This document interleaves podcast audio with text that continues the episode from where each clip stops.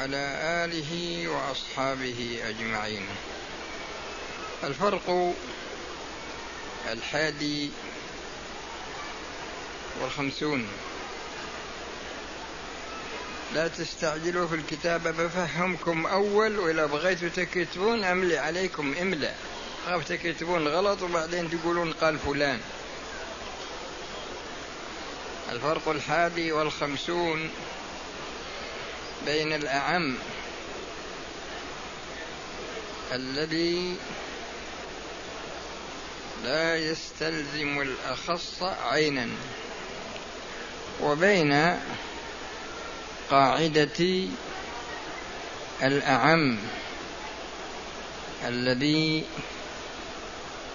يستلزم الأخص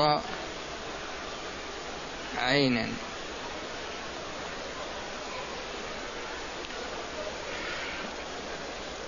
هذا الفرق يشتمل على قاعدتين. هاتان القاعدتان لهما صلة في باب العموم يعني في باب العموم. والعام هو اللفظ المستغرق لما يصلح له دفعة من غير حصر من اللفظ.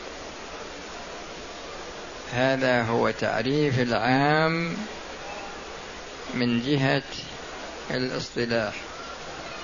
هو اللفظ المستغرق لما يصلح له دفعة من غير حصر من اللفظ.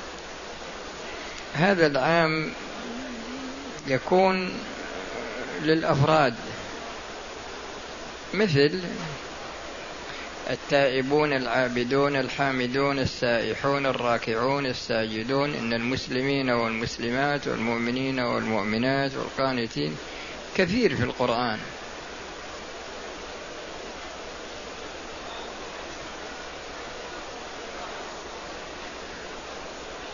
ويقابل العام مقابله الخاص. يعني الخاص. والخاص هذا لفظه لفظ إضافي لكن المقصود هنا هو الخاص الذي لا أخص منه مثل ما تقول زيد ومحمد وصالح وعبد الله. هذا لفظ خاص لأنه يدل على شخص معين أما العام فإنه يدل على أفراد كثيرين والعموم قد يكون عموم أزمنة وعموم أمكنة وعموم أشخاص وعموم أحوال وعموم إلى غير ذلك من مواقع العموم في الشريعة. القرافي رحمه الله يقول إن هذا العموم فيه قاعدتان إحداهما العموم الذي لا يستلزم الأخص عينا. هذه قاعدة. القاعدة الثانية العموم الذي يستلزم عكس القاعدة الأولى. العموم الذي يستلزم الأخص عينا.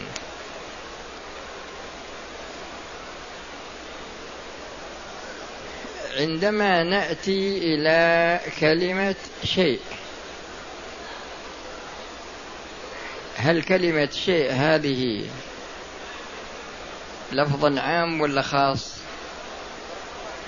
آه عام.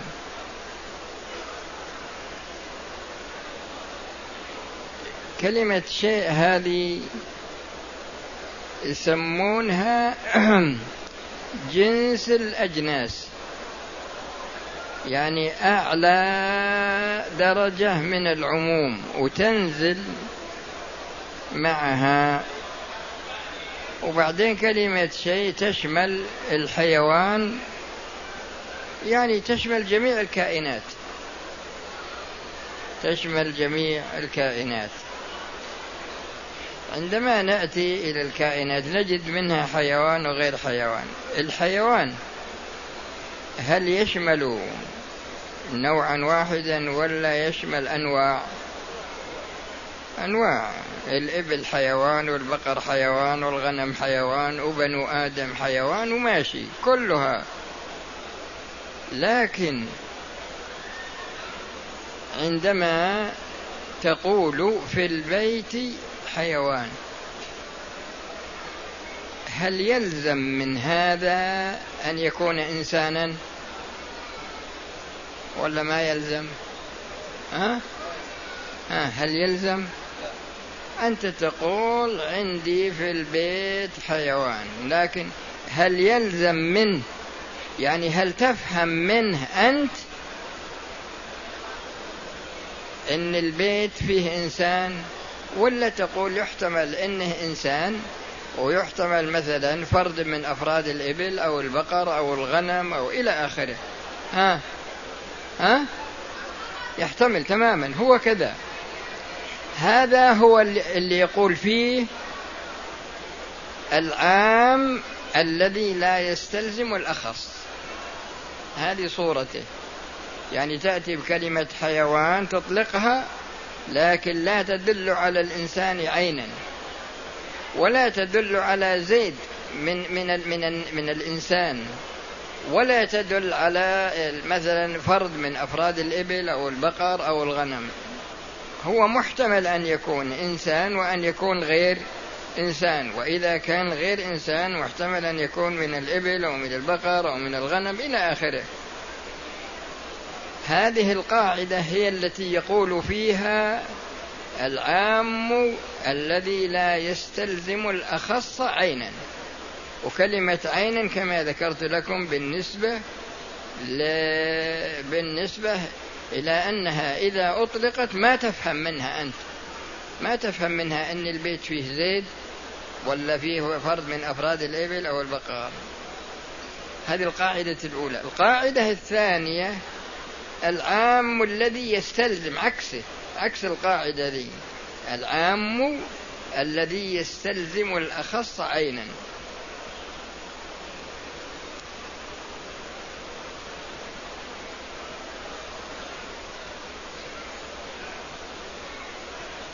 الآن عندما يكون عندك إبل.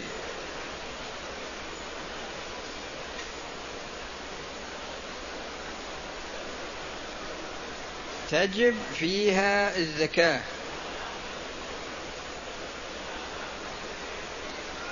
إذا بلغت الإبل عشرين كم فيها؟ آه. آه. أو, أو بعير. آه. أربع شياه مضبوط. هو يقول إن الشاة الأولى الشاة الأولى أما عندنا لا الزكاة. يقول إن الشاة الأولى لازم من وجودها عينا. يجري هذا في زكاة البقر وفي زكاة الغنم ويجري في زكاة الذهب وفي زكاة الفضة. فإذا كان الإنسان عنده مليون من النقد الورقي المليون زكاته آه خمسة وعشرون ألف. ولا ألفين وخمسمية؟ آه خمس وعشرين. هو يقول إن, إن, أن هذه الزكاة الجزء الأدنى منها يعني ريال واحد من خمس وعشرين ألف يقول هذا موجود قطعا. هذا يعني هذا قصده هو. فهذا هو العام الذي يستلزم الأخص عينا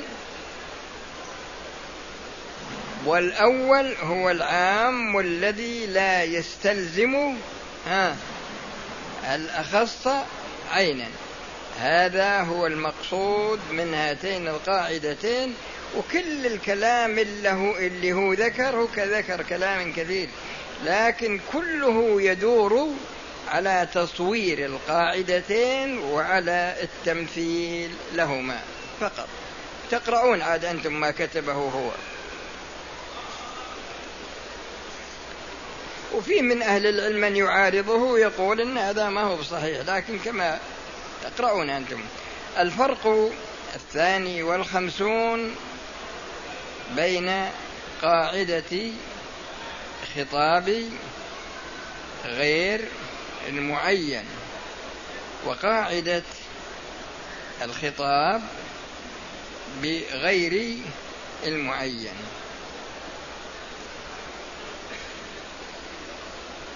قاعدة خطاب غير المعين. هاتان قاعدتان. هاتان قاعدتان.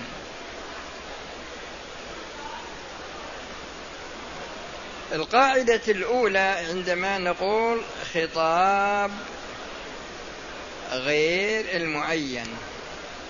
هل هذا الخطاب موجه للمكلف ولا للمكلف به؟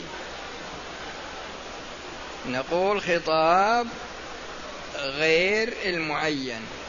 هل هذا يتصور أنه موجه للمكلف ولا للمكلف به؟ ها؟ ها؟ وش رأيكم؟ ها؟ أخاف نهز الرؤوس على غير سنع بس. ها؟ لكن هل هو للمكلف؟ خطاب غير المعين. هل هو خطاب موجه للمكلف؟ ولا خطاب موجه للمكلف به.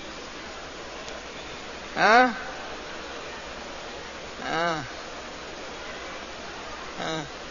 لا هو خطاب موجه يعني القاعدة الأولى مصورة على أنه خطاب للمكلف لكن غير المعين.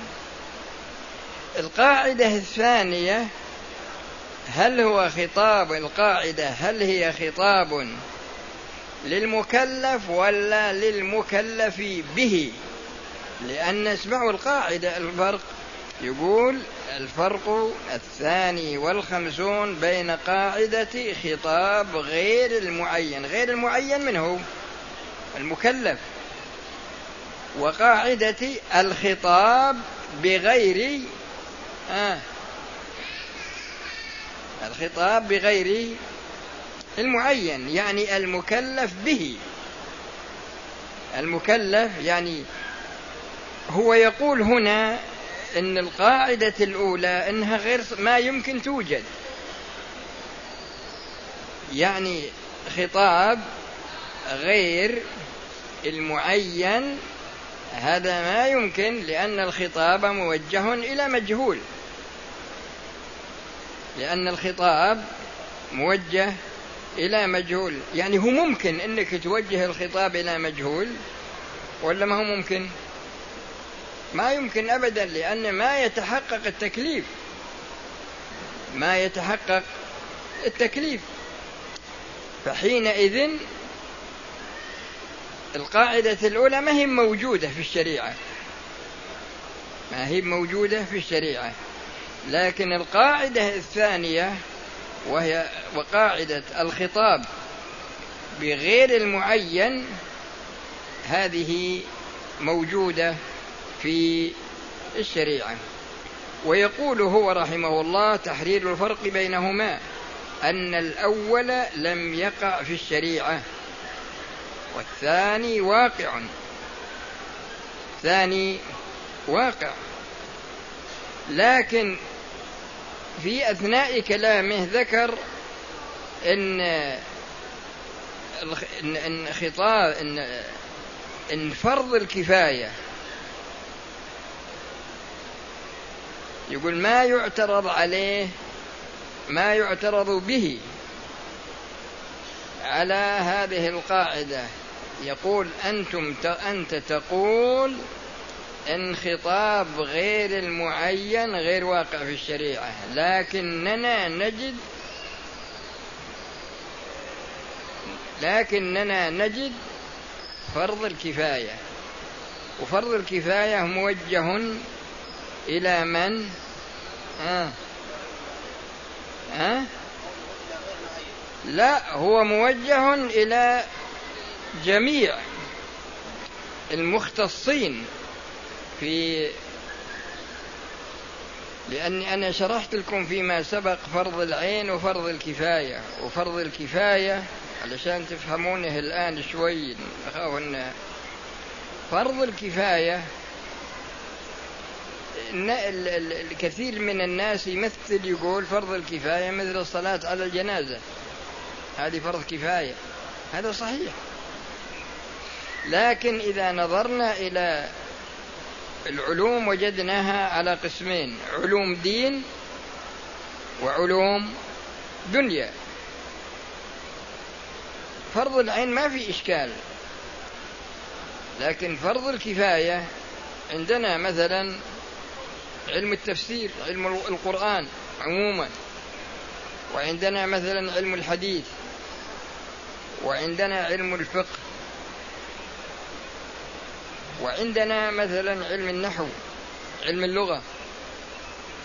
وبعدين تأتي إلى علوم الدنيا علوم علم الهندسة وعلم الكيمياء العلوم التي يستقيم بها أمر الدنيا. عندما نأتي إلى ناس نجد أنهم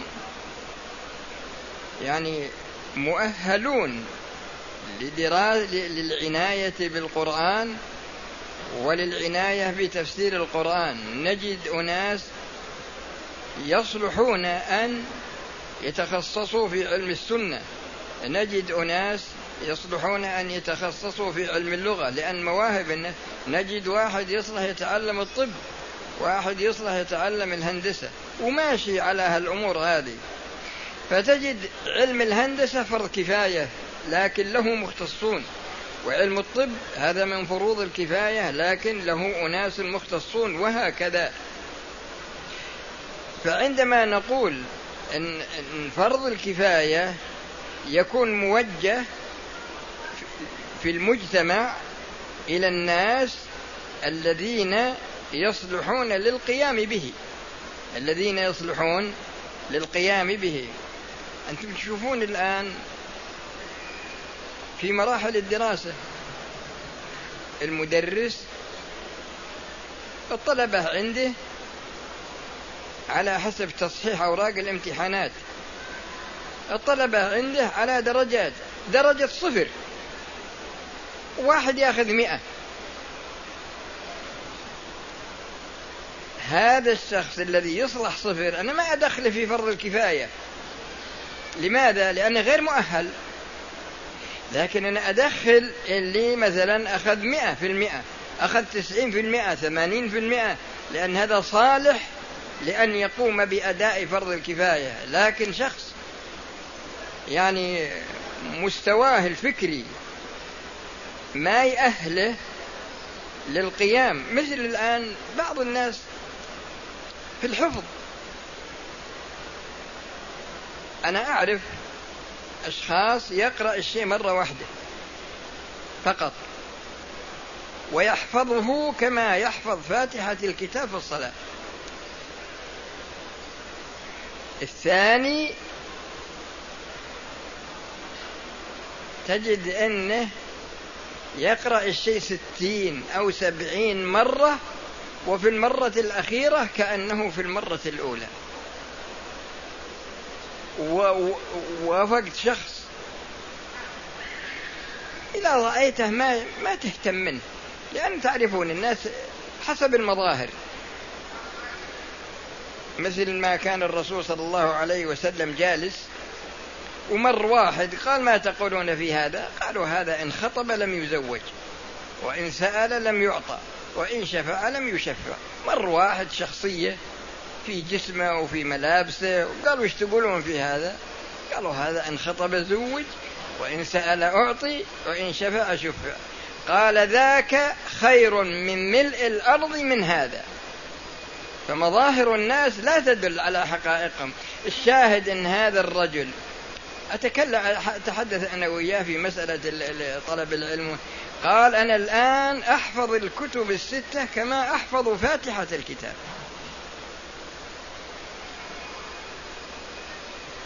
أنا غرضي أنكم تفهمون أن دائرة فرض الكفاية واسع في الشريعة. ولكن إنه ما يوجه إلا إلى يعني كل فرض كفاية بحسب أنواع العلوم يكون موجها إلى من يصلح للقيام به. لكنه ما يوجه إلى من لا يصلح للقيام به. بناء على هذا فرض الكفاية ما يعترض به على القاعدة لماذا؟ لأن الخطاب موجه إلى الجميع لكن إذا قام به من يكفي فإنه يسقط الإثم عن ماذا؟ عن الباقين وبناء على ذلك ففرض الكفاية لا يقدح في عدم وجود هذه القاعدة في الشريعة. القاعدة الثانية وهي الخطاب وقاعدة الخطاب بغير المعين. الآن عندما نأتي إلى مثلا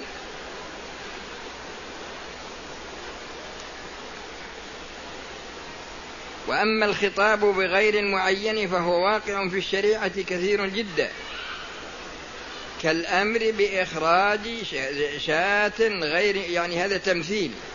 يقول إن الإنسان إذا وجبت عليه شاة في الزكاة ما نقول له الشاة اللي لونها كذا وعمرها كذا المهم أنك تخرج سنا مجزئا. هذا في الغنم وكذلك في البقر والإبل. وكذلك مثلا زكاة عروض التجارة وزكاة الذهب والفضة. ما تقول له لازم تخرج الريال الفلاني لا تخرج زكاة يعني يعني تخرج ما يكون مجزئا. تخرج ما يكون ماذا؟ مجزئا. هذا هو المقصود بقاعدة الخطاب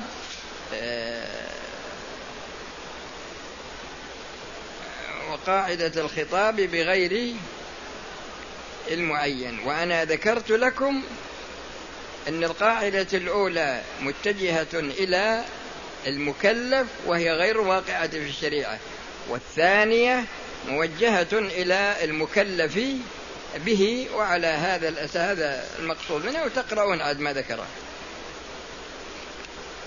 القاعدة التي بعدها القاعدة الثالثة الفرق الثالث والخمسون بين قاعدة إجزاء ما ليس بواجب عن الواجب وبين قاعدة تعين الواجب. المقصود من هذا الفرق ذكر قاعدتين لأن كل فرق يذكره يشتمل على قاعدتين. الآن لو إن إنسان ترك صلاة العصر وقال أبى أصلي نافلة عشرين ركعة ولا مئة ركعة. صلاة صلاة العصر هي فرض ولا ما هي فرض؟ أه؟ إيه. هذه النوافل التي صلاها يريد أنها تجزئه عن صلاة العصر. يريد أن تجزئه عن صلاة ماذا؟ العصر. لو صلى ألف ركعة ما أجزأته عن صلاة العصر. فيه شيء يقع عند الناس عند بعض الناس. يتصدق بصدقة فلوس. وبعد ما يعطيها الشخص يقلب النية من كونها صدقة إلى كونها زكاة. ومثل الحصل أيضا في الصلاة. سألني أمس واحد وأسئلة كثيرة. يحول يكبر على نية النفل ثم يقلبها فرضا. ثم يقلبها فرضا.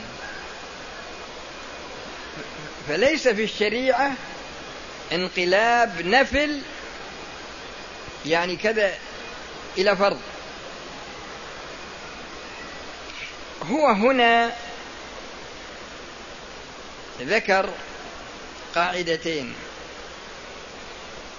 القاعدة الأولى يقول إجزاء ما ليس بواجب عن الواجب لكن التصوير اللي هو صور. يقول في يقول إن العبد العبد ما تجب عليه صلاة الجمعة. ما تجب عليه صلاة الجمعة. لكن إذا حضرها وصلى أجزأته. هو واجب عليه الظهر. وحضورها بالنسبة له ليس بواجب مندوب. صار إماما. صار إمام مثلا يصلي خلفه ألف أو أكثر. التصوير اللي, اللي هو بنى عليه القاعدة إجزاء ما ليس بواجب عن الواجب. يقول إن العبد ما وجب عليه حضور الجمعة. لكن لما حضرها وبدأ الصلاة أصبحت الصلاة في حقه ماذا؟ في حقه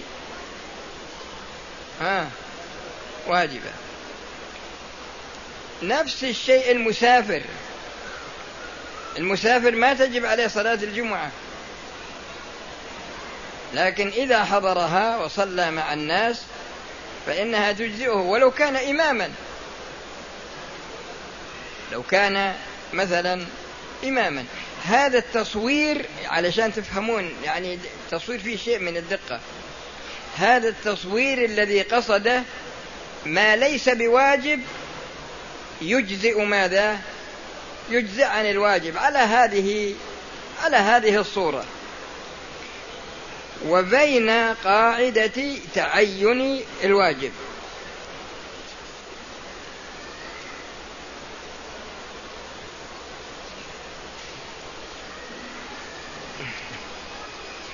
وتقرؤون ما في شيء عاد. باقي سهل ما في شيء. القاعدة الرابعة الفرق الرابع والخمسون بين قاعدة ما ليس بواجب في الحال والمآل وبين قاعدة ما ليس بواجب في الحال وهو واجب في المآل. وقال هنا فالأول لا يجزئ عن الواجب والثاني قد يجزئ وذكر جملة من المسائل. أنا أذكر لكم المسائل هنا لأنها هي التي توضح لكم هذا الفرق. المسألة الأولى يقول إن الشخص يجوز له أن يقدم الزكاة بعد تمام النصاب وقبل تمام ها وقبل تمام الحول. عندما نأتي إلى الحكم هل يجب عليه تقديم الزكاة ولا ما تجب عليه الزكاة إلا بعد تمام الحول؟ ها يعني إنسان ملك له مليون في رمضان.